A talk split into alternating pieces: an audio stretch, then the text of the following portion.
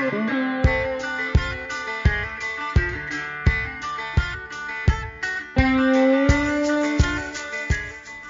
hei, og velkommen til podkasten Goffeng på leting. På denne podden skal vi ha lange, rolige samtaler hvor vi leiter etter svar og forklaringer på hvorfor den tida vi lever i, er såpass polarisert og kaotisk som den er. Podden er eh, produsert i samarbeid med tenketanken Agenda, men det er jeg som står ansvarlig for innholdet.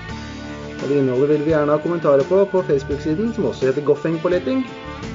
Vi har også lyst til å være litt lytterdrevet. Så hvis dere har forslag eller ønsker om hvem vi skal snakke med, og hvordan og hvorfor, så tar vi veldig gjerne imot det også. Så eh, velkommen, som sagt, og vi snakkes.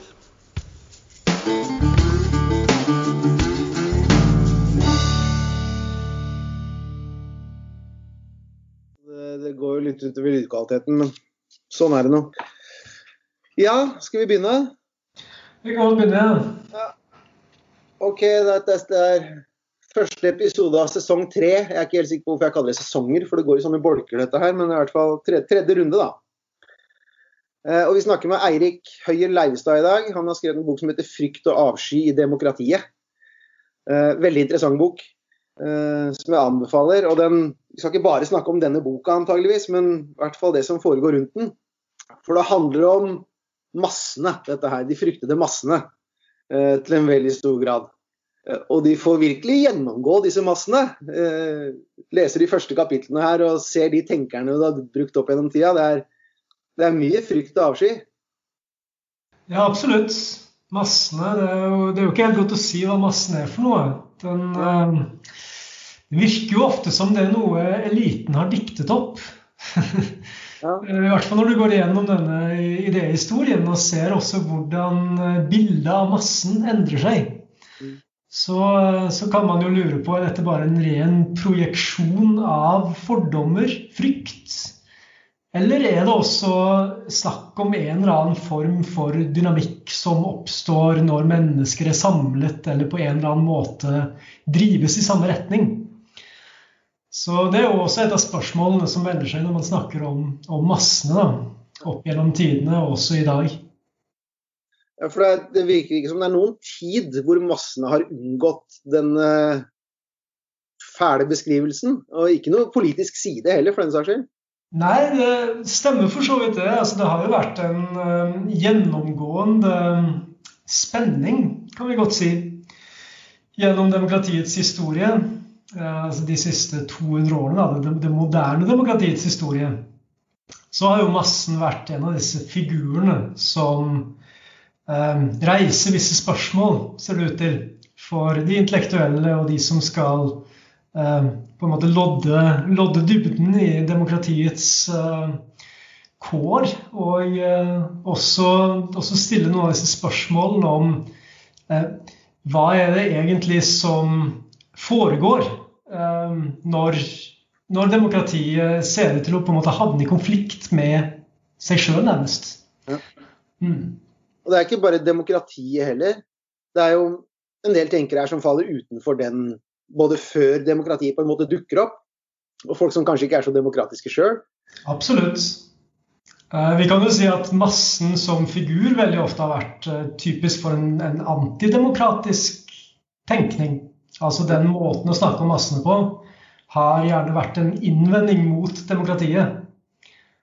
Eh, I veldig mange av de tenkerne tar opp i denne boka, i det historien, så, så er det jo sånn det fortoner seg. At, uh, at, demokratiets krise på sett og vis uh, er demokratiet som krise. Problemene oppstår når massene kommer og krever rettigheter og det ene og det andre. Og masse, altså, det kvintessensielle, kanskje masse opprøret, massebildet, det kommer jo tidligere. Det er franske revolusjonen. Som ofte blir sett på som liksom ja, massenes endelige uttrykk, på en måte. Og, ja, det er jo eh, Det kan jo være hensiktsmessig å starte, for så vidt. I hvert fall når man skriver en sånn historie om det moderne demokratiet ut fra denne forestillingen om massen, så er jo det et sted å starte med den franske revolusjonen, stormingen av Bastillen, Eh, den, den hendelsen, dette, denne utladningen av raseriet og massene i gatene, og revolusjonen på, på sånn, ja, sånn som den arter seg i opplevelsen. Mm. Av, spesielt da blant opplevelsen blant de som tilhørte den etablerte eliten. da den, det gamle regimets elite. Det som er litt interessant å se der, er hvilken, at massen liksom er Den er ikke det samme hver gang. Og den kommer fra forskjellige retninger, eh, avhengig av tidsperioden. Da var massen venstrevridd. Ja. Eh, I hvert fall sånn vi vil kalle den nå, da. Ja. Eh, nå blir kanskje massen ofte sett på som høyrevridd. Den blir gjerne det. Um, men dette er jo ja, altså det, det, er selvfølgelig det, det, det skiftende ved dette. Det, det er jo én ting. Men jeg kan jo også si altså, når det gjelder denne boka, da, at den er, jo, eh, den er jo kan vi si, ganske agnostisk når det gjelder sitt syn på altså også alle disse begrepene den setter i sving. Eh, den, den sier jo ikke at det finnes en masse. Eller den prøver ikke å definere hva massen er for noe. Den uh, går igjennom alle disse forestillingene om massen bilder av massen. Massen som en trope.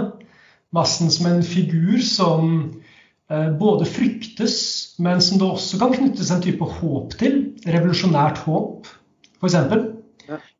Um, og vi kan jo godt si at bokas på en måte paradoks, eller det paradokset som, uh, som denne boka opererer i, det er at uh, på den ene siden så finnes det ingen masse Uh, det vil si at det finnes ingen masse i betydningen altså disse denne flokken som, hvor alle er på en måte smelter sammen til en sånn organisme der ingen, ingen tenker selvstendig, eller alle på en måte mister, uh, mister sin individualitet, nærmest. Altså den, den massen finnes ikke som noe annet enn en fortolkning. Og en fortolkning som gjerne viser tilbake til fortolkeren, altså som, som også sier mye om fortolkeren. Men, og her kommer paradokset, når vi står overfor den typen hendelse som vi så med kongressstormingen 6.1, så finnes jo denne massen likevel. I hvert fall i det øyeblikket så er det noe med det bildet av massen, altså eh, denne, denne nærmest som superorganismen der man er revet med av en felles vrangforestilling. Det dukker plutselig opp igjen. Og det har jo dukket opp igjen i vår tid, kan vi si. Så massen både som skal vi si massen som en, en type projeksjon av fordom og frykt. Altså eh, masseforakten, kan vi si, som kommer til uttrykk i en del av måten man snakker om populisme på, f.eks. Har dukket opp igjen i vår tid. Men også former for massedynamikk har dukket opp igjen, eh, og som man forsøker å fortolke hvordan det oppstår. F.eks. gjennom sosiale medier. Vi ser at sosiale medier har hatt en virkning på hvordan politisk mobilisering foregår. Som også har reaktualisert et spørsmål om masse og massedynamikk. Jeg har en følelse av at eh, det stilles mindre og mindre krav til en masse for at den skal bli kalt en masse. Massene vi opplever nå er veldig små ofte. Du, du nevnte stormingen for eksempel, av eh, kongressbygningen det er, er, er, det en masse? Altså, vi snakka nettopp om den franske revolusjonen. Det er en nasjonsomkastende masse som virkelig var en svær, svær gruppe mennesker. Mens denne gjengen som brøt seg inn i um, kapitolbygningen, som besto av veldig mye forskjellig rart, alt fra hardcore folk som virkelig er farlige, til bestemødre på tur, liksom. Uh, men allikevel kaller vi det en masse. Men er det en masse? Og Hva er det som gjør at vi kaller så små grupper mennesker for en masse nå? For Det, her, det syns jeg, jeg, har sett igjen mange ganger. Er det det at det er direktesendt, på en måte? At du ser det så veldig tydelig? Mens i franske revolusjonen så måtte du vente til boka kom fire år etterpå, på en måte. jo, altså du, du, jeg tror nok at uh, disse rundt Bastillen og sånn uh, opplevde den samme type masse og massen som mobb, uh, kan vi si. Altså det bildet av massen som mobb ja. Har, jo, har jo også vært en gjenganger i dette. Og altså Dette med mobben er jo en, det er også en sånn figur som dukker opp her. Som, uh, og, og, selvfølgelig altså, fullt av forakt og nedlatende fordommer i dette bildet av mobben. Uh, og altså, Etymologien til dette begrepet mobb er jo ikke sant? Det henger jo sammen med mobil. De som, er, de som lett lar seg bevege. De som lett lar seg affektere, lett lar seg bevege, settes i bevegelse. Eh, og nærmest ikke har noen sånn selvstendig refleksjon som stopper de fra å handle. Det er jo, det er jo mobben. Um, altså når det gjelder størrelse på massene tror, altså Mange av de som har skrevet om massene opp gjennom, opp gjennom tidene, um, har jo en ten, hatt en tendens til å gjøre nettopp det du peker på. da, altså Man, man peker på en, en massehendelse. Mm. En, en, på en måte lokal hendelse. kan man kan si at ja, men Den gruppen er jo ikke så stor eller representativ. Og så blir den da likevel projisert over på ja, det er sånn folk er. Eller det dette folket kommer til å gjøre hvis man ikke, hvis man ikke holder de i tømmene, nærmest. Ja. Jeg har eh, også jeg, har, jeg, syns det er to ting hvor massene altså Vi bruker dette ordet nå hele tiden, og alle som hører på, er bare nødt til å være med på at det er veldig veldig fussy kanter på dette begrepet massene. Så man må legge godbila til når man hører en sånn samtale som dette her. Eh, for det er ikke noe, det noe spikra og harde kanter rundt disse definisjonene. Og det opplever jeg at det er mindre og mindre av på alle definisjoner om dagen, egentlig.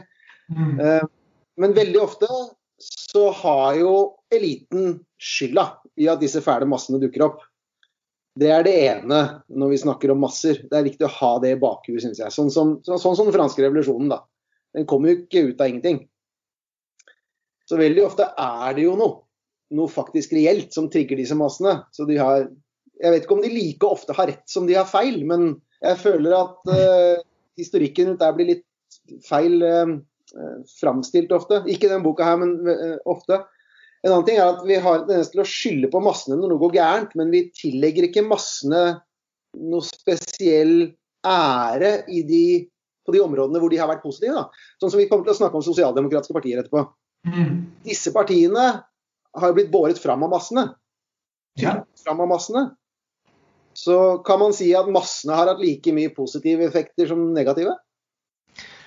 Altså absolutt.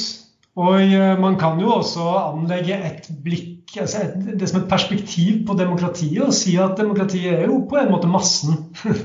og massens, eh, og for så vidt en dynamikk i massene. Altså Jeg går jo tilbake til den, uh, filosofen Spinoza, 1600-tallstenkeren Spinoza, som, som, jo egentlig har den tilnærmingen til politisk tenkning og tenkning rundt demokratiet. Da. Så han sier at det, det, er jo massene som velter regimer, og som lar nye regimer oppstå. Og, eh, og det betyr jo også at, eh, at da vil det også være et gjennomgående spørsmål i politisk tenkning. Og det, det er det spørsmålet som melder seg når eh, Hvordan kan vi forklare at massen omfavner tyrannen, f.eks.? Eller hvordan kan vi forklare det at massen um, altså ser ut til å handle imot sine egne interesser? Altså vårt begrep om interesser, altså økonomiske interesser, rasjonelle interesser. Uh, det vil jo være et, et gjennomgående tema. Og Spinoza er jo veldig opptatt av dette med å snakke om affekter, lidenskaper. Og det er ikke det samme som å si at massen er irrasjonell, eller massen er rent affektdrevet. Men at affekter, lidenskaper, spiller en stor rolle i demokratiet og i politikk. Og også, også disse spenningene mellom elite og masse, kan vi si. Og de spenningene kan bli preget av det Spinoza kaller negative affekter. Eh, da kan vi snakke om sånne ting som frykt, paranoia, um, hat, hevngjerrighet. Og Eh, det vil jo da være noe som rammer både eliten og massen i disse krisene. ikke sant? Altså frykten, frykten kommer jo like mye til uttrykk hos eliten som hos massen. Ja. ja. Det, det, får den boka godt fram, og det, det, setter jeg også stor pris på. For det blir, eh, det blir en beskrivelse fra en elite som man like gjerne kunne brukt om eliten ofte. Ja. Eh, for, for den frykten for massen er ofte like irrasjonell som massens irrasjonelle handlinger. Uh, ofte, i hvert fall. Uh, jeg syns jeg ser og Mye av det kommer altså Vi snakker mye om bobler om dagen. Mm. Uh, og jeg er, har etter hvert blitt ganske overbevist om at det vi med like fussy kanter kan kalle eliten, de er like boblete som alle andre, kanskje mer. Mye forskning som tilsier det også. Uh, flere som har brukt eksempelet om hun Ann Applebaum, hvis du har lest henne. Uh, for hun, uh, hun, har en middag med en del venner, og de kommer fra hele verden. Og dermed får hun et bilde av hvordan hele verden er. For alle som er akkurat nøyaktig de samme menneskene. Mm. Sett om de bor i London eller Berlin eller New York eller hvor de er fra, så betyr det ingenting. For det er akkurat de samme menneskene. Det bare samla seg på et tilfeldig geografisk sted. Og det er sånn det virker når jeg snakker med deg nå, og når jeg leser boka også, som at denne eliten er, lever veldig i boble. Igjen kanskje kvintessensielle eksempler er den franske revolusjonen igjen, liksom. Mm. Uh, og sånn opplever jeg det i dag også. Jeg bruker ofte um, metaforen Hvis du har sett en sånn flyselskapreklame, så ser du hele verdens Du ser hele kloden, og så ser du røde prikker med streker imellom. Det er her flyene våre går. Disse elitene bor i de røde prikkene. Og de røde prikkene dekker kanskje en tiendedels av hver by de er i. Men ettersom de spenner hele kloden, så tror de selv at de har et, en verdensomfatning, liksom. Men mm. alt flyr over, det får de ikke med seg. Så det virker på meg som det å være virkelig kosmopolitt, det er kanskje det mest boblete man kan være akkurat nå. Det er en ganske rar, ganske rar greie. Ja. Hvordan ser du på den beskrivelsen? Jo da, jeg husker um, den uh, tyske filosofen Peter Sloterdijk. Han skrev et sted at uh, kosmopolitisme er de bortskjemtes provinsialisme. Provins, ja. ja. Og det, det, er jo en treffende, en treffende, bemerkning på det du beskriver her også. Ja. Um, Absolutt. Ja, jeg tror jo altså det, det, er jo en, det, er jo selvfølgelig én tendens eh, som har eh, blitt eh, spisset seg til i eh, det vi har kalt demokratiets krise. Og det en del av de eh, hendelsene som vi har på en måte sett eh, som skapte en del av denne demokratiets kriseforestillingen. Ja. Som har, vært, har bredt om seg særlig de siste fem årene, kan vi si. Um, har jo også hatt bakgrunn kanskje i det du peker på med at det nærmest også er en sånn kløft mellom eliten og elitenes forestilling om hvordan verden fungerer og henger sammen. Og eh, noen type, skal vi si Du kan kalle det en type krefter. Du kan også kalle det en, altså en form for desillusjon. Det kan være former for trass, eller hva det nå skal være. eller hva du nå vil kalle det, som som retter seg mot dette. Eller former for kjetteri, nærmest. En form for massekjetteri mot denne eliteverden. Som kommer til uttrykk da på ulike måter, og som eh, utløser den typen eh, altså sjokk, som det jo var i 2016. For altså 2016 ble jo kalt hva de rasende velgernes år. ikke sant? Og Der ser du igjen dette med at lidenskapene, de negative lidenskapene plutselig velter inn i politikken. Um, altså, eh, brexit, Trump det, det, dette jo førte til, det førte til noen sånne typiske elitereflekser også. ikke sant? Og den første refleksen er jo gjerne det å bebreide folket. Og ikke sant, folket er irrasjonelle. Gjør ikke som vi vil. Og vi er jo de som er riktig, så da må ja, de ta feil. Ja. Det er den, den umiddelbare refleksen. Og så, og så får du altså en, egentlig en type antidemokratisk refleks, som jo for så vidt også kan arte seg sånn. Altså den, den tanken om at nei, men det, her, her ser vi demokratiet undergrave seg sjøl igjen. ikke sant? Problemet er at det er for mye demokrati. Uh, vi, har, vi, har, latt folk uh, stemme om hvorvidt vi skal være medlem av EU, og så har de stemt feil. Og så, ja, og så får man den, den refleksen.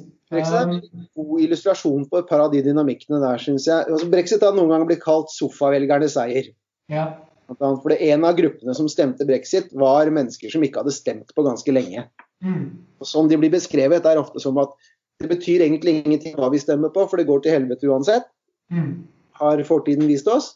Mens nå, så om jeg stemmer Labour eller Tory, det betyr ingenting, så jeg gidder ikke. Men nå kom det liksom en mulighet til å virkelig si fra. Og jeg, det er ikke det at jeg mener så veldig mye om EU eller brexit, men nå kan jeg si fra. Sånn blir det ofte beskrevet, i hvert fall den gruppen der. da. Så det, det er en god illustrasjon på den, den ja, Kall det trass, da, som du var innom. Ja, en form for trass, men det er jo altså Men det, var jo eh, Etter hvert så Jo da, vi kan si Den første refleksen er jo ikke sant, denne folk, folkets irrasjonalitet, eller de uopplyste, eller at de har blitt Det neste, neste er jo gjerne at de har blitt lurt. ikke sant? Manipulasjonen, bedraget, er jo den andre Den, den neste fortolkningen som gjerne kommer i forbindelse med dette.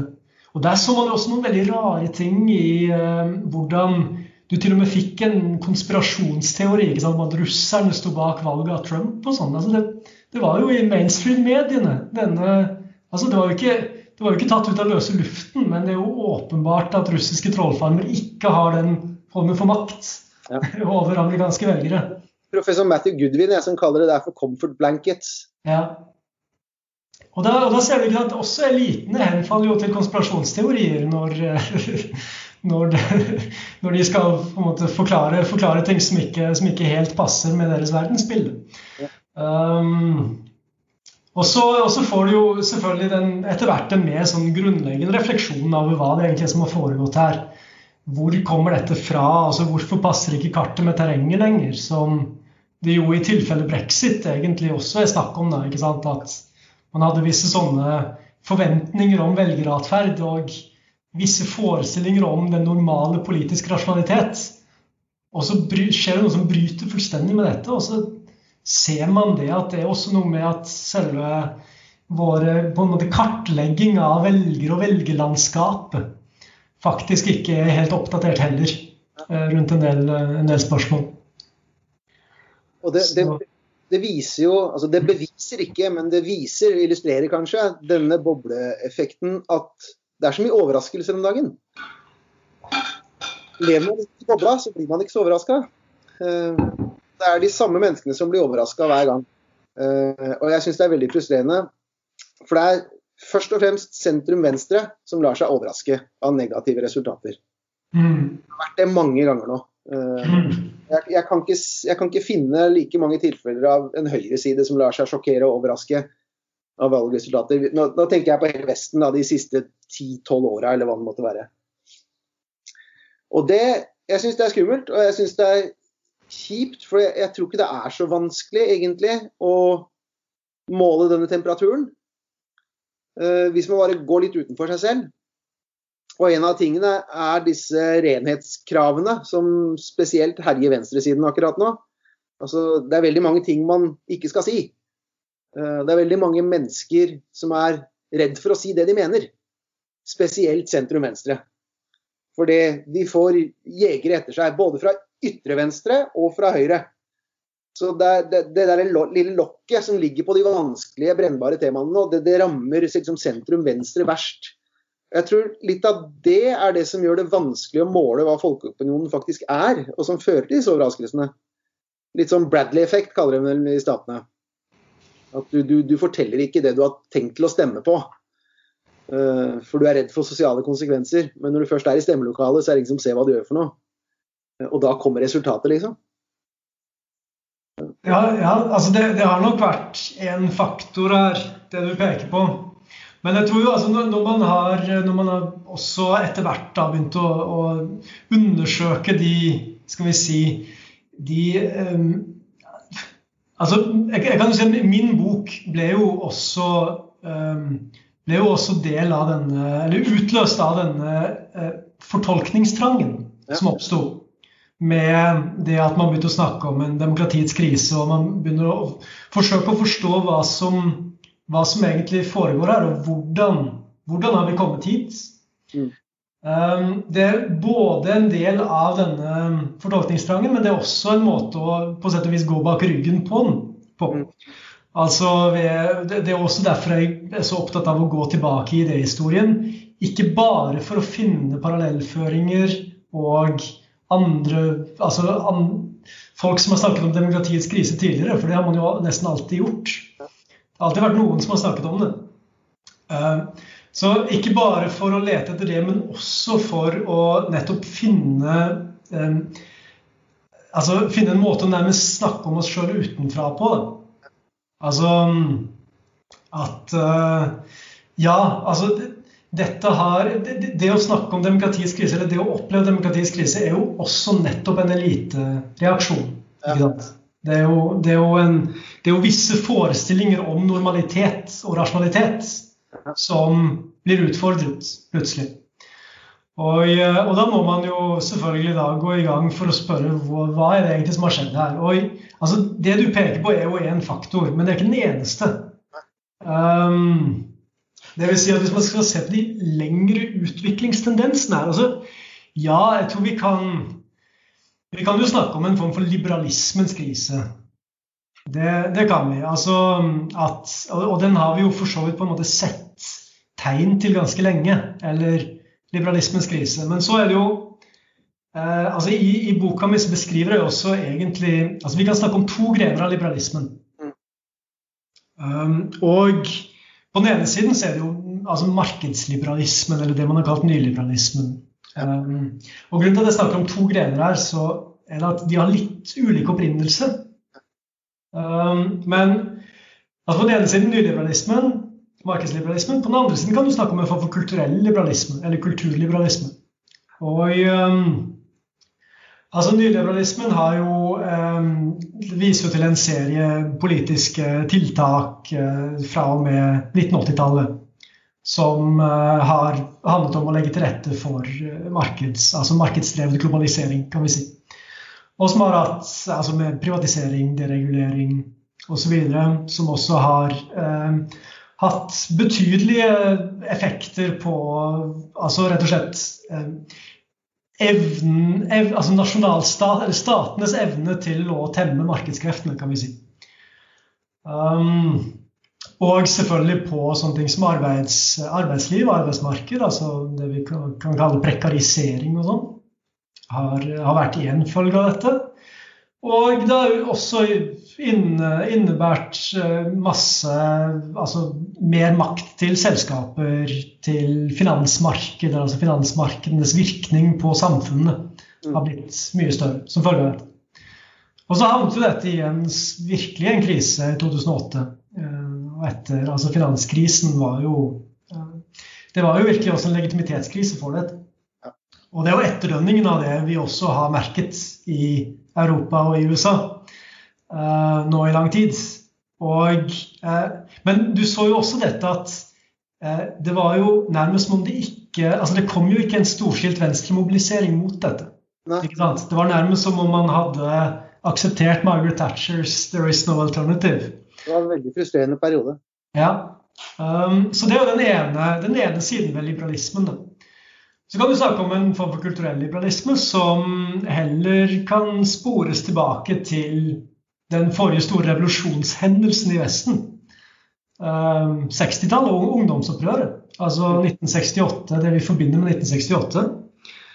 Som jo, Der var det jo en rekke ulike impulser som løp sammen i det som da ble hetende Det nye Venstre etter hvert. Men uh, hvis du skal snakke om noen sånne varige virkninger det hadde, så var det jo en form for kulturell liberalisering. Altså allmennkulturell liberalisering. Og uh, altså det har jo, altså En liksom enkel måte å si det på er jo sant, at venstresiden vant kulturkampen og tapte økonomien. og, det, uh, og, og, det har jo også da ført til at um, Altså, vi kan jo si at nyliberalismen og kulturliberalismen gikk eh, på sett og vis også hånd i hånd på en del områder. ikke sant? Altså, en del av disse verdiene som vi kan si eh, vi kom ut av den kulturelle liberaliseringen, autonomi, selvrealisering, mangfold, eh, ble jo også en del av denne si, kapitalistiske rebrandingen med nyliberalismen, som vi forbinder med sånn 80-tallet og 90-tallet.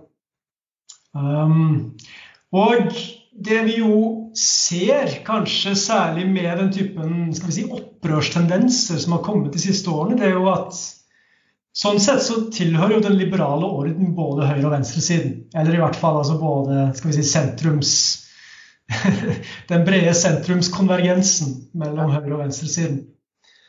Um, og en annen ting som er interessant her, det er jo også altså, som jeg tror er en relevant faktor også for det du peker på her, da, det at på sett og vis så har jo også opprørsposisjonen plutselig stått ledig. Eller at eh, den delen av venstresiden som på en måte hadde en opprørsidentitet, eh, kanskje ikke lenger klarer å hevde den med troverdighet. Og vi ser at en del av disse opprørs, altså opprørsestetikken, opprørsretorikken, blir tatt over av en høyreoffensiv, en, eh, altså en høyre radikal offensiv. Eh, det er jo én tendens vi også har sett de, de siste årene. Eh, altså du får angrepene på kulturliberale verdier, kan vi si. Også verdier som da også typisk målbæres av den liberale venstresiden, de blir del av denne, denne høyre offensiven, som også da griper til en del av på en måte den eh, motkulturelle opprørs... Eh, ja, opprørs, de motkulturelle opprørsformlene, så å si. Ja, den kulturkampen, den er, eh, den er forvirrende om dagen. Og den er ofte, syns jeg, veldig feil beskrevet. Mm. Nevner jo litt kulturkamp her, du også. Uh, og du er også inne på at den er høyrevridd. Uh, jeg ser på veldig mye av den altså For det første så er det sånn nå, for å si det litt enkelt, at halvparten av kulturkrigerne vil ikke anerkjenne at det er kulturkrigere. Uh, de kaller de andre for kulturkrigere som et nedsettende navn. Og så er det veldig mye av det som kalles kulturkrig nå, det er svar på kulturkrig. Sånn som jeg ser det. Mm. Så det, det, kommer fra de dummeste småting til ganske viktige ting. Så, så f.eks. Når, når man vil fjerne statuer av eh, Winston Churchill, eller man vil ha vekk bøkene til Dr. Sus, så er det kulturkrig. Det kalles ikke det. Men hvis man reagerer på den kulturkrigen, da blir man kalt kulturkriger. Og det er liksom, det er, det er, det er de reaksjonene eh, på ganske radikale krav som blir oppfatta som kulturkrig. Og det syns jeg er litt rart. Mm. Så, så er, jeg syns den er forvirrende. Ja, jeg kan, eh, jeg kan se den. Um, men bare gjør det klart at jeg har virkelig ikke tenkt å bli rekruttert til kulturkampen her. Verken på den ene eller den andre siden. Så det er bare, bare så det er klart.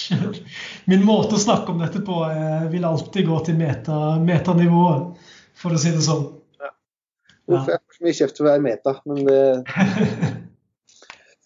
Jeg syns det er veldig interessant med samtalen om alt sammen, og det er jo meta. Men jeg syns det er forferdelig viktig. Ja, absolutt. Men jeg, men jeg mener um, jeg, jeg, begynte vel å si det at det er flere faktorer som Eller flere linjer som krysser hverandre i denne um, demokratiets krise, da. Som vi kan oppfatte vår tid som. Og ja, jeg beskrev jo dette med altså en form for liberalismens krise. Men eh, jeg tror det er en, annen viktig hendelse, og det er jo mange som ser at dette er en annen viktig hendelse, det er jo, det er jo transformasjonen av medieoffentligheten. Ja.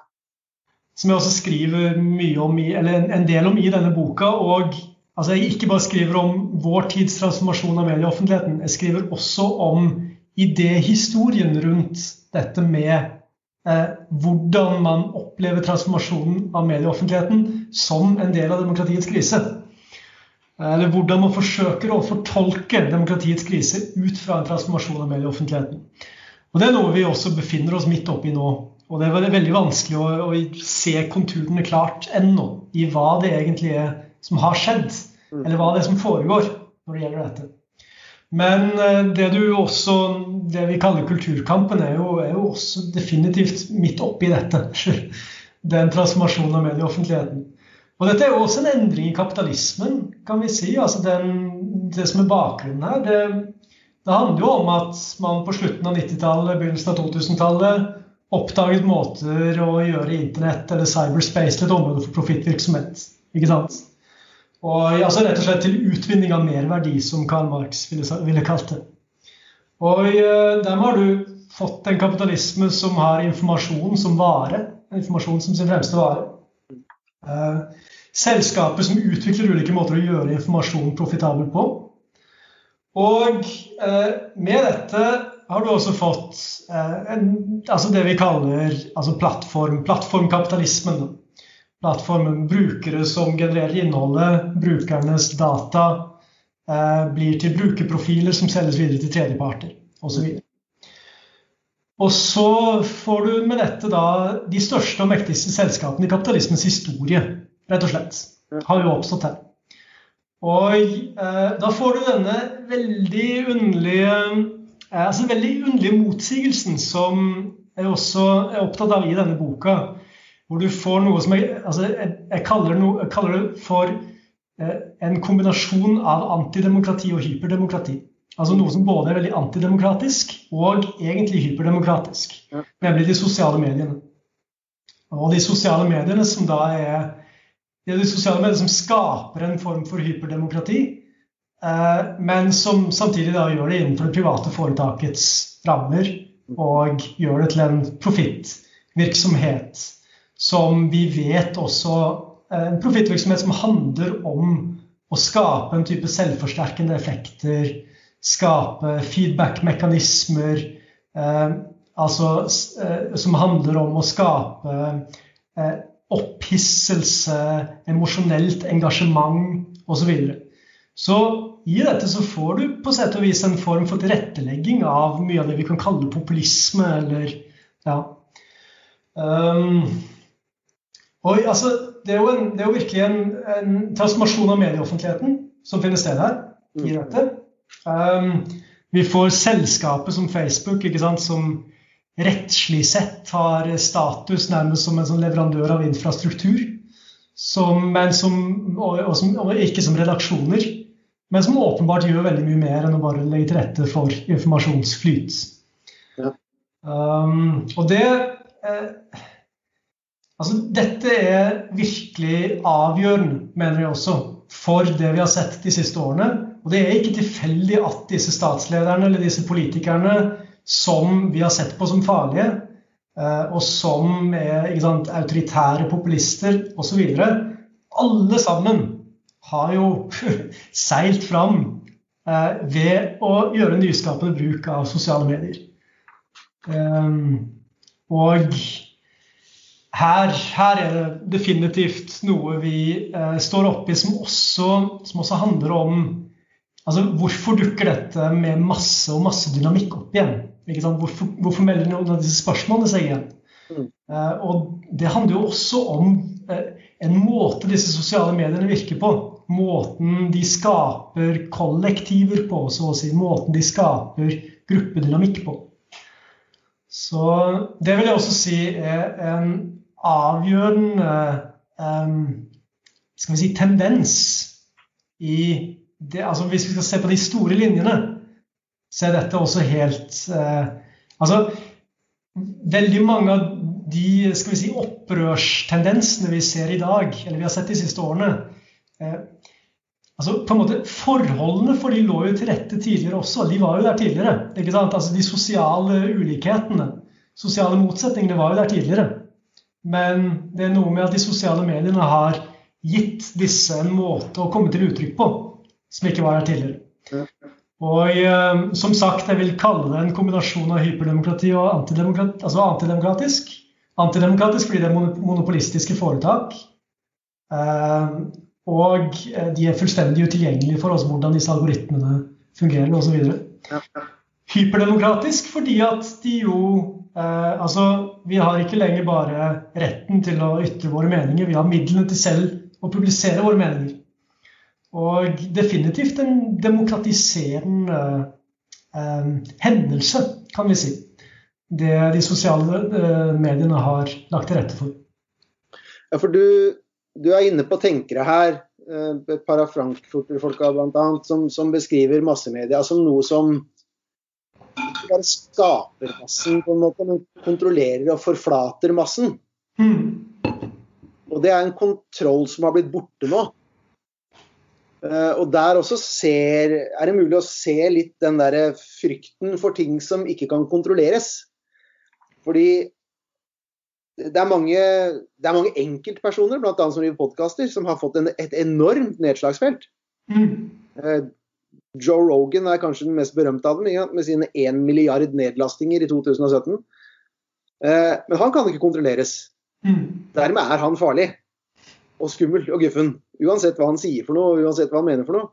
Og jeg ser det samme skje liksom igjen og igjen og igjen. Nå, nå sist var det, er det blitt skrevet om Substack bl.a. som jeg ikke helt har kontroll på hva er for noe, egentlig. Men det er en del journalister sånn, som har gått i Substack nå og bruker det som et medie for kan kalle det blogger da, eller sine tekster. Mm. Og nå beskrives Substack som farlig. Fordi det faller utenom dette kontrollerbare, redaksjonsstyrte greiene. Um, så det er veldig tydelig at den frykten ligger ganske dypt, altså spesielt i ganske store medieselskaper. Mm. For at nå kan vi ikke være den, den, den forflatende uh, Vi kan ikke ha den forflatende effekten lenger. Om man ser på den forflatende effekten som positiv eller negativ, det er noe helt annet. Men, men det har brutt opp og bare smuldra helt, på en måte. Det var veldig, var veldig spennende ting å følge med på de siste åra. Absolutt. Og det er jo eh, det, er jo det at det, altså Dette er jo et bevegelig mål også. ikke sant? Det er så vanskelig å si hva det egentlig er som er den effekten her. altså Foreløpig er det jo på en måte litt sånne indisier vi kan peke på som sier at dette f.eks. legger til rette for former for altså det vi kaller populisme, eller, eller hva det skal være. da. Um, men, eh, men, det er jo, altså vi har jo på en måte ikke helt oversikt. Men jeg tenker jo altså bekymringen er jo også Den er jo på mange måter velbegrunnet. Når vi ser på Altså, dette, eh, dette er jo også et typisk eh, trekk ved denne diagnosen av demokratiets krise. Det er jo at eh, demokratiets krise er en form for opplysningskrise. Opplysningens krise. Altså opplysningen da Opplysning høres sånn gammelmodig ut. Men det handler jo også om da, sant, en opplevelse av kunnskapens krise, eller at eh, også det som allerede i antikken var en, et sånt ankepunkt mot demokratiet, det var at ja, men demokratiet det fører til at man visker ut skillet mellom viten og meninger. Ikke sant? Så, og, og, det er på en måte en destruktiv tendens ved demokratiet. At det er alltid en tendens til å viske ut skillene mellom viten og meninger. Og når du får den typen eh, transformasjon av medieoffentligheten som vi snakker om her, med de sosiale mediene spesielt, med seg, altså i det hele tatt med de digitale mediene, men eh, kanskje da særlig med de sosiale mediene de siste årene, så er det klart at det spørsmålet melder seg igjen. ikke sant? Det temaet eh, om utvisning av skille mellom viten og meninger. Og spesielt når du ser dette med at den redaksjonelle instansen jo eh, ikke egentlig er der. ikke sant? De som skal på en måte vokte, um, vokte dette, de, eh, de, de, sier at nei, nei, vi har ikke noe redaksjonelt ansvar for noe. Men så ser vi at den er der av og til likevel. Den redaksjonelle instansen. Så plutselig så kommer den inn. ikke sant? Så plutselig så blir Trump utestengt fra Twitter fordi at, uh, fordi at man Og så kommer dette veldig på etterskudd. ikke sant? Denne, det, det, dette forsøket på å, å, å, kontrollere det redaksjonelle. Um, men, men, det er klart at altså det, det, er jo en grunn til uh, den bekymringen når det gjelder da, altså opplysningskrise, uh, utvisning av skille mellom viten og meninger igjen. Altså, når det gjelder disse algoritmene, ja, vi vet ikke hvordan de fungerer. Men vi vet jo i hvert fall at de ikke Altså de er fullstendig blinde for vårt skille mellom sannhet og løgn eller sant og falskt, f.eks. Det er ikke relevant for hvordan de opererer, de algoritmene. Det, de, det, det handler om, er jo informasjon som genererer mer informasjon. Uh, og alt som skaper engasjement, uh, genererer mer informasjon. Så um, altså det er jo sånn sett en, en helt legitim bekymring. Uh, som jeg tror mange, mange føler på. Altså det, det er det. Samtidig som det jo selvfølgelig kan sies å være for så vidt i tråd med en form for en demokratisering. på mange måter, da. Ikke sant? Altså man, det, det, gir jo helt nye muligheter til å ja, uttrykke meninger og gi Altså, hvem som helst kan bli influencer. ja. La, la, plante plantet flagg der. og prøv å mm. huske å komme tilbake til det, for jeg har noe som jeg vil høre hva du mener om når det gjelder Eh, det å demme opp for den farlige delen av de alternative mediene. Mm. Men først et, et, annet spørsmål, en annen mening eh, om forholdet eliter og masse. Igjen veldig veldig fussy begreper. Mm. Du sier nå viten, eh, og det er altså noe som går igjen. Og Vi snakka i stad om å stemme mot sine egne interesser. Og dette er noe jeg har gjentatt flere ganger fra talerstolen på Blindern, liksom, at, at, det er mange amerikanere som stemmer mot sine egne interesser. Mm. Jeg ser nå mm. at jeg antok at jeg visste hva som var deres interesser. Eh, for det var på en måte mine interesser. Eh, og jeg tror det som ofte blir eh, utelatt når man sier at folk ikke vet hva de stemmer på, og sånt, det er rett og slett preferanser. Fordi denne gjengen som vi snakka om i stad, som bor inni de små røde prikkene, de har gjerne et ganske sammenfallende sett med preferanser. Mm. De ser ikke på det som mm. preferanser. De ser på det som en sannhet, på en måte. Dette mm. er selvfølgelig målet, det er dette vi skal oppnå, for det er mine preferanser. Og igjen, jeg er den riktige. Eh, og da får man antagelsen at folk stemmer mot sine egne interesser. For man tar rett og slett ikke hensyn til at det fins forskjellige preferanser. Og så kaller man det ukunnskap eller trass. Men det er bare Nei, beklager, jeg har litt andre preferanser enn dere liberale i den bobla der.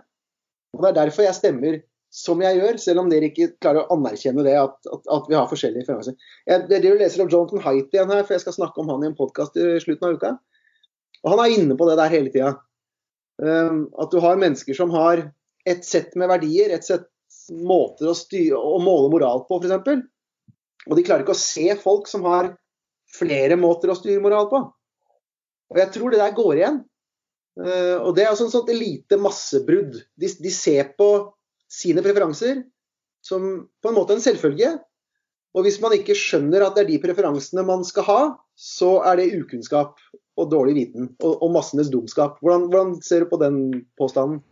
Absolutt. Altså, jeg er jo helt, helt, enig i det du sier. Men det, det, er også en annen dimensjon ved det som er interessant. Og det er jo nettopp spenningen mellom elite og masse når det gjelder dette. ikke sant? Altså at um, Altså det, det, vi har kalt trass, da, altså det høres jo litt nedlatende ut å kalle det for trass, selvfølgelig, men det er jo også altså, det er jo nettopp det å markere altså hvordan politisk identifikasjon fungerer, tror jeg kanskje at uh, man har undervurdert litt i, eh, i spørsmål som f.eks. hvorfor noen sånne politiske ledere plutselig står fram og eh, klarer å få oppslutning fra folk som de jo strengt tatt ikke representerer interessene til.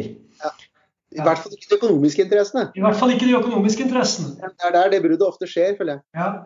Og, men jeg tenker jo også jeg snakket jo også om det med, i forbindelse med Spinoza, men også for så vidt i, i, denne boka. Generelt så er det jo også dette med sant, lidenskapene, affektene. Hva, det, det, er jo noe som føles veldig eh, Altså, det er noe som eh, nærmest som føles som noe overskridende. med en gang lidenskapene kommer inn i politikken. ikke sant? Altså det, fordi de overskrider våre ideer om at velgere faller inn i grupper med preferanser, eh, interesser osv.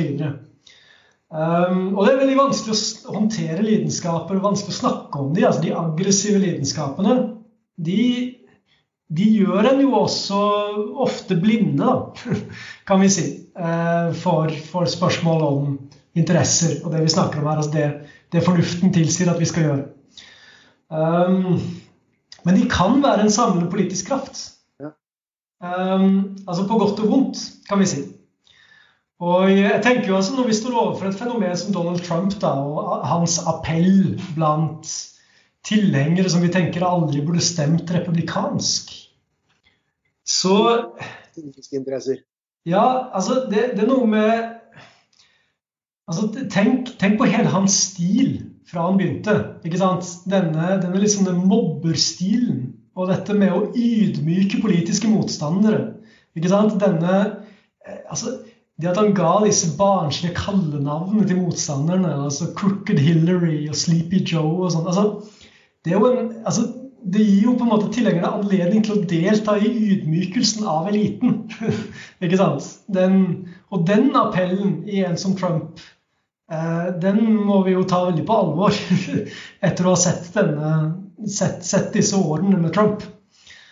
Eh, at det også kan bli en politisk dynamikk, ikke sant? hvor eh, elite Altså hat, mot eliten også kan utvikle seg i den retningen. Der man på en måte støtter en som åpenbart kommer fra eliten, men som samtidig eh, klarer å, å, å, få det til å virke som han er en mer autentisk, eh, autentisk folkets person, fordi at han rett og slett ydmyker elitene. Ja, han, eh, han deltar i hatet mot elitene. Og dette følelsesmessige det er så vanskelig å kvantifisere, det er så vanskelig å måle, det er så vanskelig å kartlegge. Og jeg tror det er mye, mye sosialvitenskap som ikke prøver engang. Igjen tilbake til Haidt, da. Ja. Uh, som snakker om Da han begynte å studere psykologi, så, så, så han at det var for det var for kjølig og for kaldt og for empirisk, den forskninga. For den gikk på ting som var enkle å måle. Men følelser var ikke med i bildet når de skulle måle Når de skulle finne ut hva folk målte sin moral på. Mm. Jeg slåss jo med søsknene mine hele tida, sier han. Men det er ingenting i den forskninga jeg kom borti som kunne forklare det. Fordi det var følelser. Og det, det, blir bare borte. Mm. Så det er, det er noe der. Det er forferdelig vanskelig å forholde seg til, selvfølgelig. Det er veldig vanskelig å finne ut av. Det blir veldig mye fingeren i været skal, ja. Absolutt. Og der, og der, har du igjen denne eh, altså Også en av grunnene til at jeg nettopp tar opp dette med massens idéhistorie. Da. Fordi at massens idéhistorie har jo det har, det har jo alltid vært en liksom parallell idéhistorie til den eh, normale politiske filosofien, normale politiske tenkningen. Eh, hvor massen eh, har, hatt, har ofte har legemliggjort det følelsesmessige. Eller den ja, Altså, tenk på disse klassiske masseforestillingene, massebildene. som er sånn, Tenk på, tenk på Ibsens uh, kompakte majoritet. ikke sant?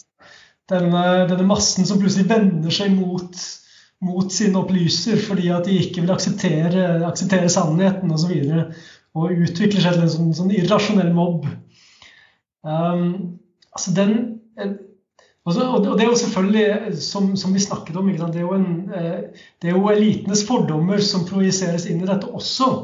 Men eh, nettopp det å ta høyde for skal vi si, affektene eller lidenskapene i politikken, og eh, hvordan de kan også virke gruppesamlende, eh, politisk mobiliserende, eh, og hvordan de kan ha stor betydning for politisk identifikasjon med en bestemt leder som ikke nødvendigvis representerer interesser i den altså økonomiske forstand, i hvert fall. Det, det, er klart at her de siste årene så er det nok noen lærdommer vi igjen bør ta når det gjelder dette. Og det er jo for så vidt også det jeg forsøker å gjøre med denne boken. Derfor jeg også graver opp igjen mye av denne idéhistorien som som ikke på noen måte har vært den toneangivende politiske idéhistorie i det hele tatt.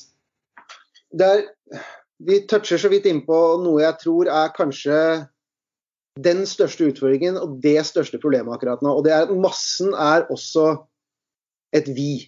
Massen er også et fellesskap. Mm.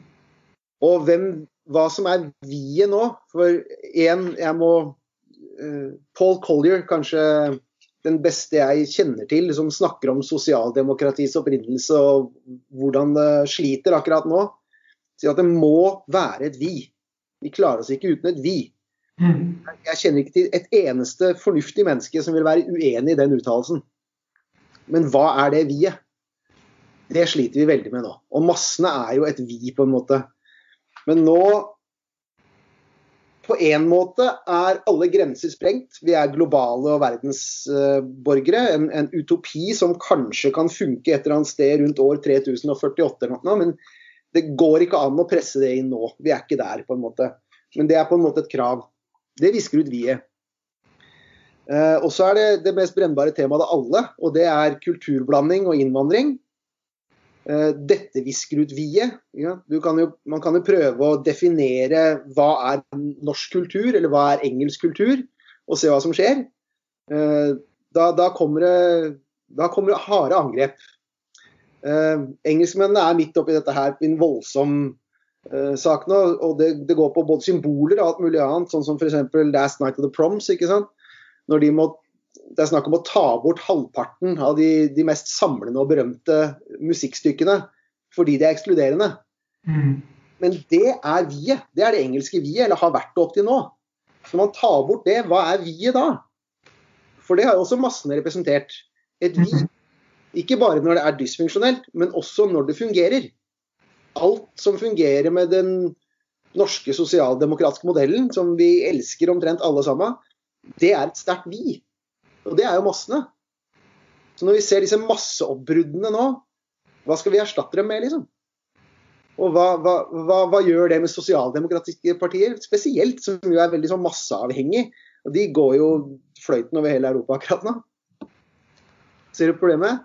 Ja, det er et stort og vanskelig spørsmål. Her er det jo selvfølgelig, altså Dette med masse, massebegrepet Vi har vel allerede sagt at vi bruker det med visse forbehold. Ja, veldig fødsel. Mm. Eh, Det tror jeg vi har gjort klart her. Altså, altså man, hvor, Hvorfor snakker vi om massen og ikke om folket i denne boka? Altså, eh, begge de begrepene er jo veldig ladede. altså Også ideologisk ladede og politisk ladede. altså Massebegrepet har jo på en måte den mer sånn klassiske det nedlatende. Det er jo på en måte elitens, elitens blikk på mennesker. Mens folke, altså folkebegrepet har jo på en måte den mer sånn eh, Man reiser reiser folket. altså Det har mer av en, mer av en form for hyllest. Eller, ja. um, men det er klart altså folket, folket, som, folket som vi, det er, jo, det er jo det veldig mye handler om også i dag og i en del av disse konfliktene som har blitt utløst igjen. Altså Det er jo et forferdelig stort og vanskelig spørsmål du reiser deg, selvfølgelig. Det er du klar over. Jeg tror det er kjernen i veldig mye. Altså. Du er inne bl.a. Arendt og Durkheim her, ikke sant? Mm. De snakker jo litt om dette, dette behovet for tilhørighet, og, og, at vi atomiseres til ensomhet, og Durkheims anomibegrep og sånt noe. Jeg tror det er veldig veldig viktig nå. Altså. Jeg tror Det går ikke an å snakke for mye om akkurat det der, tror jeg. For det jeg, jeg klarer ikke å finne det vi-et. Hva er det? Ja. Er du, er det er vanskelig, altså. Er du norsk, og hva i så fall betyr det å være norsk? Og, øh, liksom, ja, det der tror jeg er et kjempeproblem. Altså. Og der ligger jo veldig mye i den, i den elite massedynamikken som er problematisk. Det har nok um, Det har nok også skjedd et omslag her de siste ti årene, tror jeg. Altså når det gjelder altså Hvis vi skal se dette ut fra sånn spørsmål om venstre og høyre også, da. Um, fordi eh, sånn rundt, eh, rundt årtusenskiftet så virket det jo som eh, altså så virket jo denne, med alterglobaliseringsbevegelsen Ja, noe som virket på en måte Den hadde jo virkelig moment.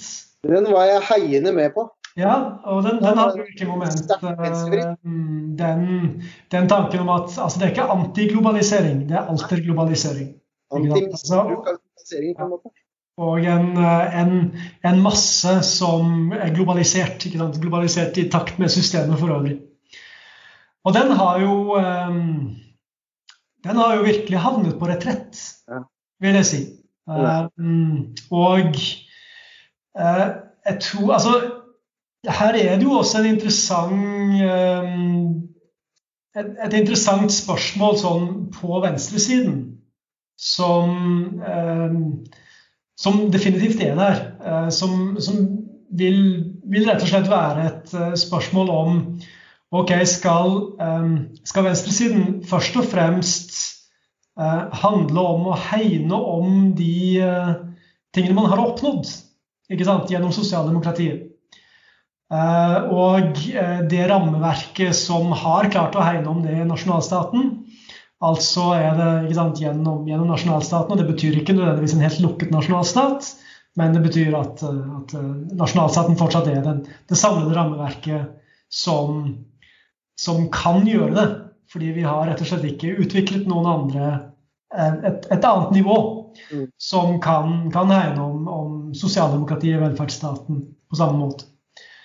Så Det jo ene, vil jo være det ene argumentet da på venstresiden. Mens det, den, det stikk motsatte har jo også en tendens til å argumentere ganske radikalt i radikalt motsatt retning.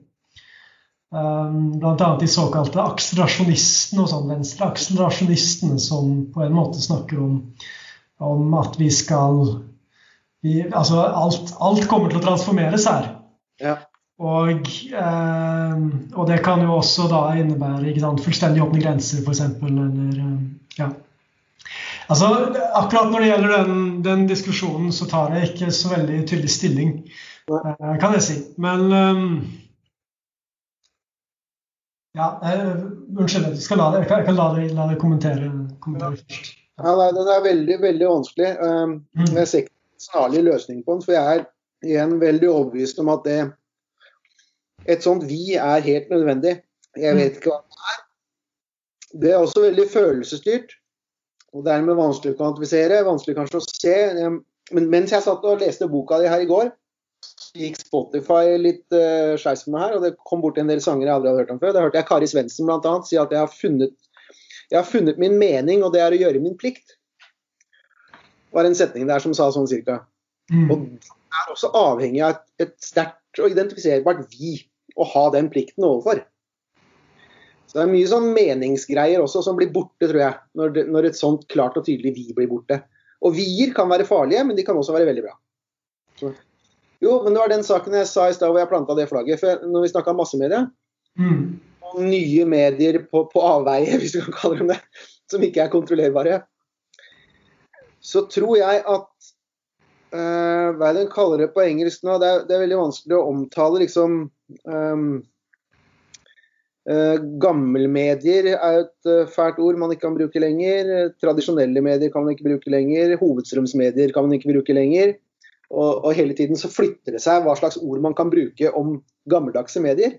Mm. Jeg tror man kan nå kalle det legacy media. Uh, men det er sikkert ikke lang tid før det blir feil ord også. Eh, men jeg, jeg tror i hvert fall de mediene har egentlig ikke noe sjanse til å demme opp for de strømningene i nye medier, som sikkert både du og jeg syns er negative. Jeg tror de eneste som klarer det, er andre nye medier. Ja. Ikke sant? Um, for det er altså det, det, den, den blomstringa av nye medieformer og nye medieselskaper og enkeltpersoner og sånt, den inneholder, sånn som jeg ser det, det verste og det beste. Um, legacy media, hvis jeg skal bruke det begrepet der nå, det leser jeg nå for tørrstoff. Hvis jeg skal virkelig vite noe, så hører jeg på gode podkaster, f.eks. Eller, eller ofte bøker også utenom meg. Men det er veldig lite tradisjonelle medier har å tilføre der, liksom. Bortsett fra sånn tørt uh, melk og brødstoff. Samtidig så er de verste ideene også i disse nye, i disse nye mediene. Så jeg, jeg tror at det eneste som kan veie opp og stanse de negative effektene av de nye mediene, det er faktisk positive effekter av de samme nye mediene. Hvordan ser du på den? Det er dårlig Ja. formulert. Jeg tror eh, altså, det- skjer jo en tilpasning, da. ikke sant? Altså, de tradisjonelle, tradisjonelle mediehusene er jo nødt til å tilpasse den digitale takten. Og eh, også eh, bli en del av det, kan vi si. Mm. Så det ser vi jo også skje. Jeg tror nok eh, jeg tror nok vi vil få, eh, altså, som du også antyder, altså mer for, altså at, at du får en type digitale Altså veldig tydelig sånn digitale medier med mer av en redaksjonell Altså et, det redaksjonelle ansvar. Det kan vi jo kanskje håpe på, det, I hvert fall. At, eh, at det vil komme her. Eh, men det, det skjer jo for så vidt også allerede med at eh, Altså, det er klart at dette endrer jo Det endrer jo avisene. Det endrer eh, sant, de tradisjonelle massemediene. Mm. De tradisjonelle massemediene er jo på en eller annen måte nødt til å bli del av dette, eller ta del, av, ta del i dette. Eller, eller, eller dø ut, kan vi si. Det jeg syns jeg ser, er at flere og flere av de mediene velger side, på et vis. Mm. Altså, New York Times er et godt eksempel, for de er liksom det ypperste vi har av, eh, avis, eh, eh, av aviser. Og de er nå helt klart og tydelig i ferd med å velge en side. Det viser alt som foregår inne i redaksjonen deres, eh, og alle folka som de har kvitta seg med de siste tida, og, og den redaksjonelle linja, liksom.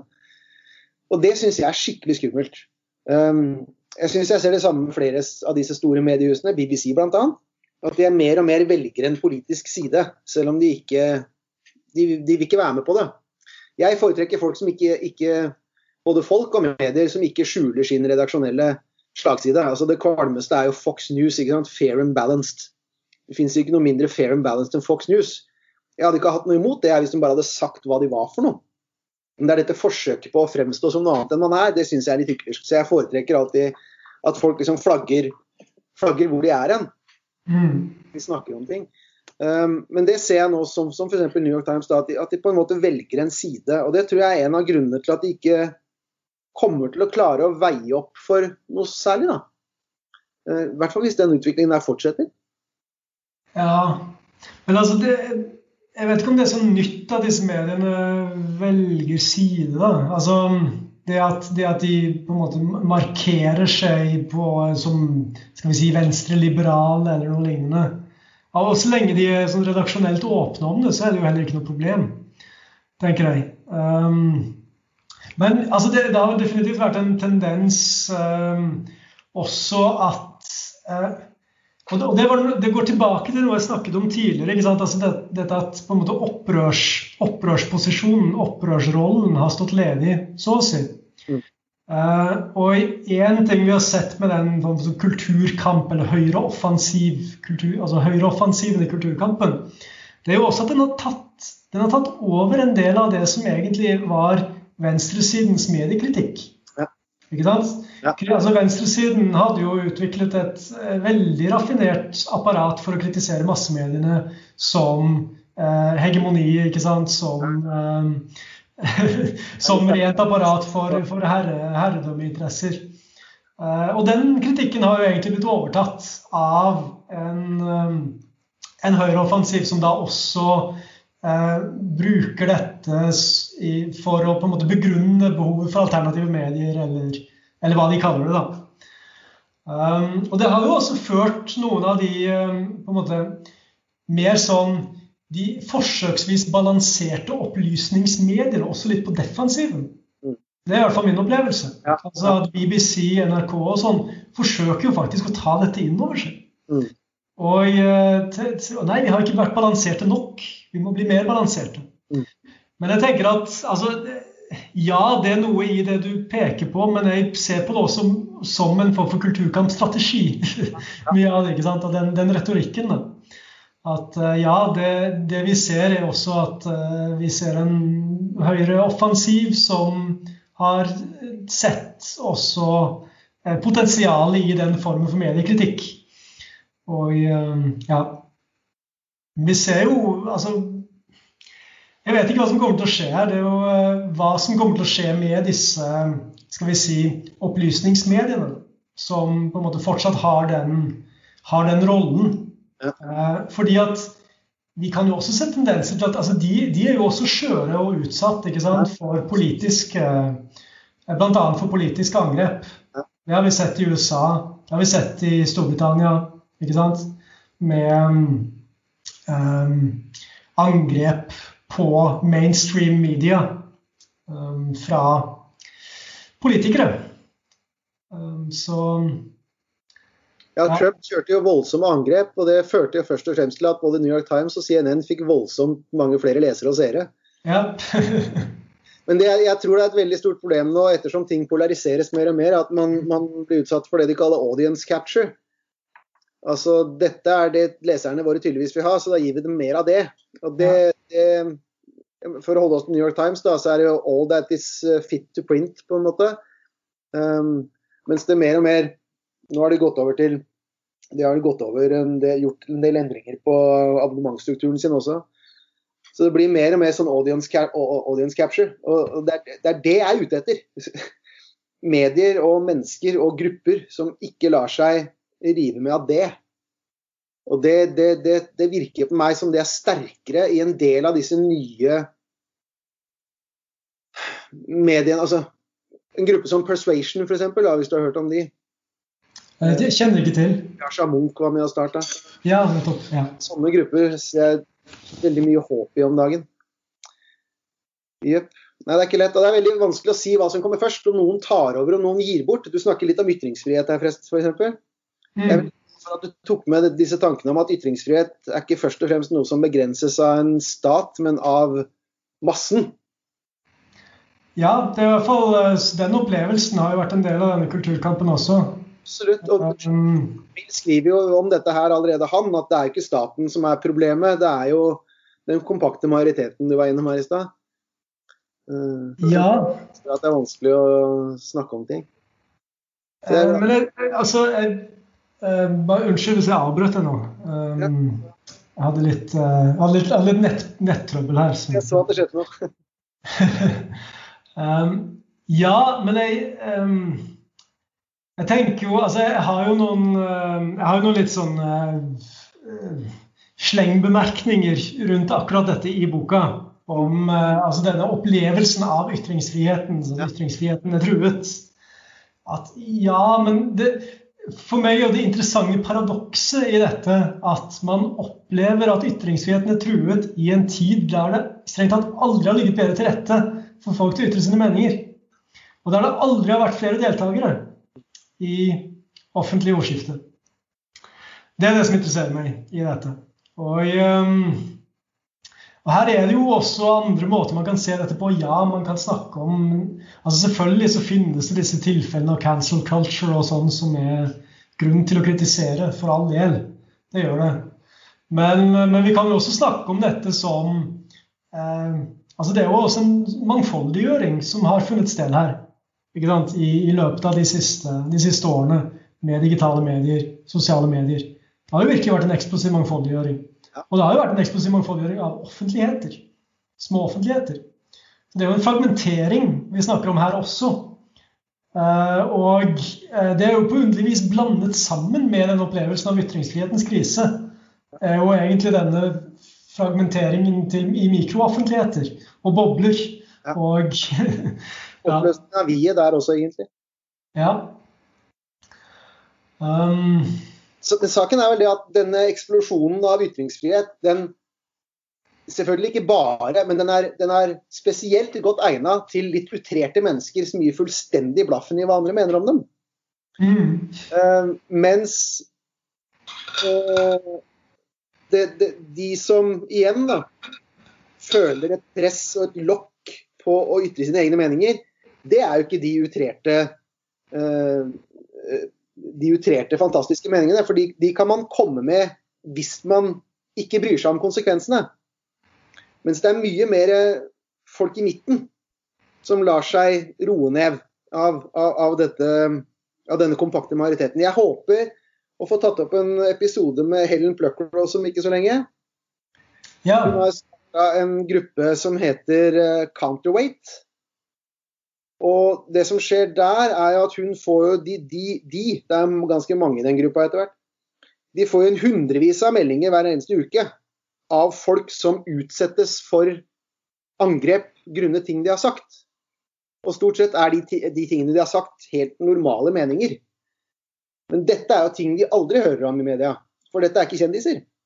Mm. Vi hører jo om disse signaleffektsakene, sånn som uh, Hva heter Harry Potter-dama Eh, og, og, ja, og Dr. Seuss. Og vi hører om noen veldig, veldig, veldig få sånne ting som har med kjendiser å gjøre.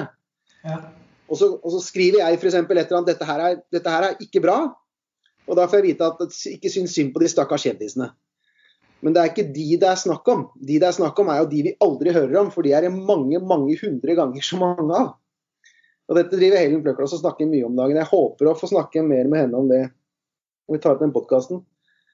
Eh, så det cancel culture-sakene, det tror jeg er veldig mye større enn de fleste tror. Og igjen, det rammer ikke folk langt ut på høyresiden. Det rammer ikke folk langt ut på venstresiden heller. Mm. Det rammer folk i midten. Ja. Og særlig de som ligger litt til venstre for midten, for det er de som er mest redd for disse angrepene. Og det er det, det, er det Helen Pluckers også sier. At det er de menneskene som vi får mest henvendelser fra. Og spesielt da arbeiderklasse, som ikke har noe beskyttelse over seg, på en måte. Mm. Den, den der Stockmann-greia den kommer også til å bli ganske viktig framover. Altså. Så jeg håper å få prate med henne om det. Ja. Den, eh, det er mye rare dynamikker. Så ja, det er som du sier, det er hyperdemokratisering, men det er også, det er også ytringsfrihetskrise samtidig, liksom. Ja, men det, for min del, som, som sagt, jeg, jeg, jeg syns det er interessant med på en måte paradoksen og motsigelsen i dette. Ja. fordi at ja, ja, selvfølgelig finnes disse, disse hendelsene. Og vi, vi får, de utløser jo altså De er jo en del av denne kulturkampen. De utløser jo enormt engasjement. Um, og så syns jeg jo det Men jeg må jo si det spesielt de som på en måte har sånne veletablerte posisjoner. da, ikke sant? Professorer eh, eller den typen altså kjendiser osv. Mediekommentatorer som snakker om at nei, nå, nå, nå, kan vi ikke si dette lenger. nå, nå, har vi ikke lov til å si dette lenger. Eh, altså, det, stemmer jo, det, stemmer jo, ikke helt, da. fordi at man, man, kan si det, men man kan ikke si det uten å bli motsagt. Ja. Og, det, og saken er at det å bli motsagt, eh, det innebærer jo plutselig å bli motsatt av veldig mange. Og på veldig ubehagelige måter. Definitivt. Det ser vi jo her. Um, og ja, den opplevelsen av en form for ytringsfrihetskrise han, altså, er jo nesten en slags reaksjon på eh, massifisering. For å bruke det, det, på en måte tradisjonelle begrepet, da, som, eh, som, vi selvfølgelig nå bruker med, med forbehold. Altså det jo, Jeg beskriver det i denne boka sant, som en del av dette, denne altså erfaringen i å leve i hyperdemokratiet. Mm. er jo også nettopp denne at eh, de som Altså ja, eh, ytringsfriheten er jo, det er jo ikke statlig sensur det er snakk om her. i hvert fall. Nei. Nei. Uh, hvis, hvis, ytringsfriheten er truet. Men man får disse formene for bevegelser, massebevegelser. Mm. Både til høyre og venstre, kan vi si, eller på en måte ytterlighetene, som, som motsier visse ytringer på veldig ubehagelige måter. Ja. eller med, eller som, ja. Det er mobber overalt nå. Eh, og de er veldig forskjellige. Og de har veldig forskjellige negative konsekvenser. Mm. Men de er vel mobber. Så det er, ja, nei, det er, det er, så mye som er vanskelig å styre på om dagen. Jeg, jeg, for, eh, eh, jeg, har lyst til å bare prate med deg før vi gir oss om, om igjen dette med sosialdemokratiske partier. Mm. Som For det er en rød tråd gjennom liksom, uh, denne podkastserien her. Det er hva har skjedd med dem, hvorfor, og hva er smart å gjøre. Um, så hvordan, hvordan, For de er jo masseavhengig, sosialdemokratiske partier. Og samarbeidsavhengig. Så det jeg lurer på er hvordan skal de forholde seg til alle de tingene vi snakker om her. Uh, liksom, hvis jeg har rett i at det er et bortfall av dette vi-et, hvordan kan sosialdemokratiske partier overleve? Hvordan kan sosialdemokratiske systemer overleve, egentlig? Og, og, og, hvis disse massene som de egentlig er avhengig av nå, vender seg mot dem, hva skal de gjøre for noe? Uh, hadde man visst svaret, så hadde man selvfølgelig blitt verdensberømt, men har du noen tanker om det? ja, her har vi det gamle, gamle lenistiske spørsmålet hva må gjøres? Um, altså Denne boka jeg har skrevet, en, en, det, det, er jo ikke en hva må gjøres-bok. Uh, det, er en, det er jo en bok som skisserer uh, utfordringene, og som uh, også skisserer motsigelsene som preger vår tid. Ja. Og som egentlig forsøker å være på høyde med disse motsigelsene uten å forsøke å løse dem. Um, det kan vi jo si. Og ja, altså Når det gjelder de sosialdemokratiske, parti, sosialdemokratiske partiene altså de, har jo, de har jo vært i krise lenge, kan vi jo si. Altså velgerflukten, representasjonsgapet, alt dette har jo, har jo på en måte preget disse, disse, partiene nå i lang tid. Eh, jeg er ikke sikker på om eh, Jeg er ikke sikker på om situasjonen er like Altså, ja, jeg, jeg, jeg tror at vi på en måte kan se positive tendenser også. Kanskje. Eh, forhåpentligvis. på venstresiden rundt omkring. Det er mulig at vi til og med nå i USA ser uh, mye mer av en positiv uh, uh, positiv effekt av Biden enn det vi, noen av oss egentlig hadde forventet. Så altså, vi, kan jo, vi, kan jo, tenke oss at vi ser en, en form for motreaksjon. altså Som en form for venstremobilisering, motreaksjon mot den høyreoffensiven som har kommet.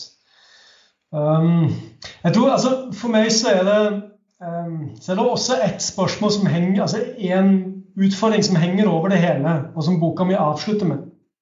Um, som, som nettopp handler om miljøspørsmålet og klimakrisen. Og at det vi beskriver som en, altså demokratiets krise, eller vår tid som en krisetid, eh, det er også del av en enda større krise tror jeg. Uh, og det syns jeg det er egentlig ganske få som har skrevet om demokratiets krise de siste årene, som har satt det i sammenheng med at på sett og vis er jo også vår livsform i krise. Vår sivilisasjonsform er i krise. En, altså, og sant, i den, i den veldig store konteksten som er planeten vår, så, så er det jo noen uh, virkelig enorme utfordringer vi står overfor. Og her tror jeg nok egentlig at um, Altså, ja, spørsmålet om hva som må gjøres for sosialdemokratiet osv.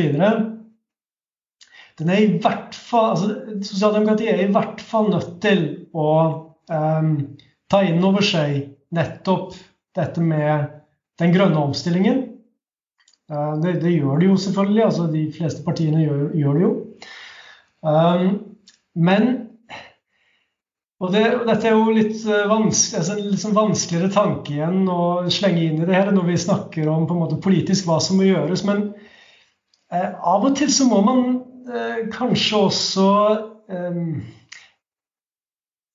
nærmest, Vi må kanskje også begynne å snakke om noen sånne uforenlige hensyn, mm. rett og slett. Eh, altså, det, er noe, det, er ikke noe, vi liker å gjøre. Og det er definitivt ikke noe politikere vil gjøre. Men altså, jeg antyder jo det i denne avslutningen av boka også at altså, vi kan jo se på en bevegelse som De gule vestene i Frankrike kanskje som et forvarsel om en type bevegelser som vi vil se flere av. Som er en bevegelse som nettopp også handler om den eh, konflikten, spenningen, som kan oppstå med at vi eh, vil Um, gjennomføre miljøtiltak.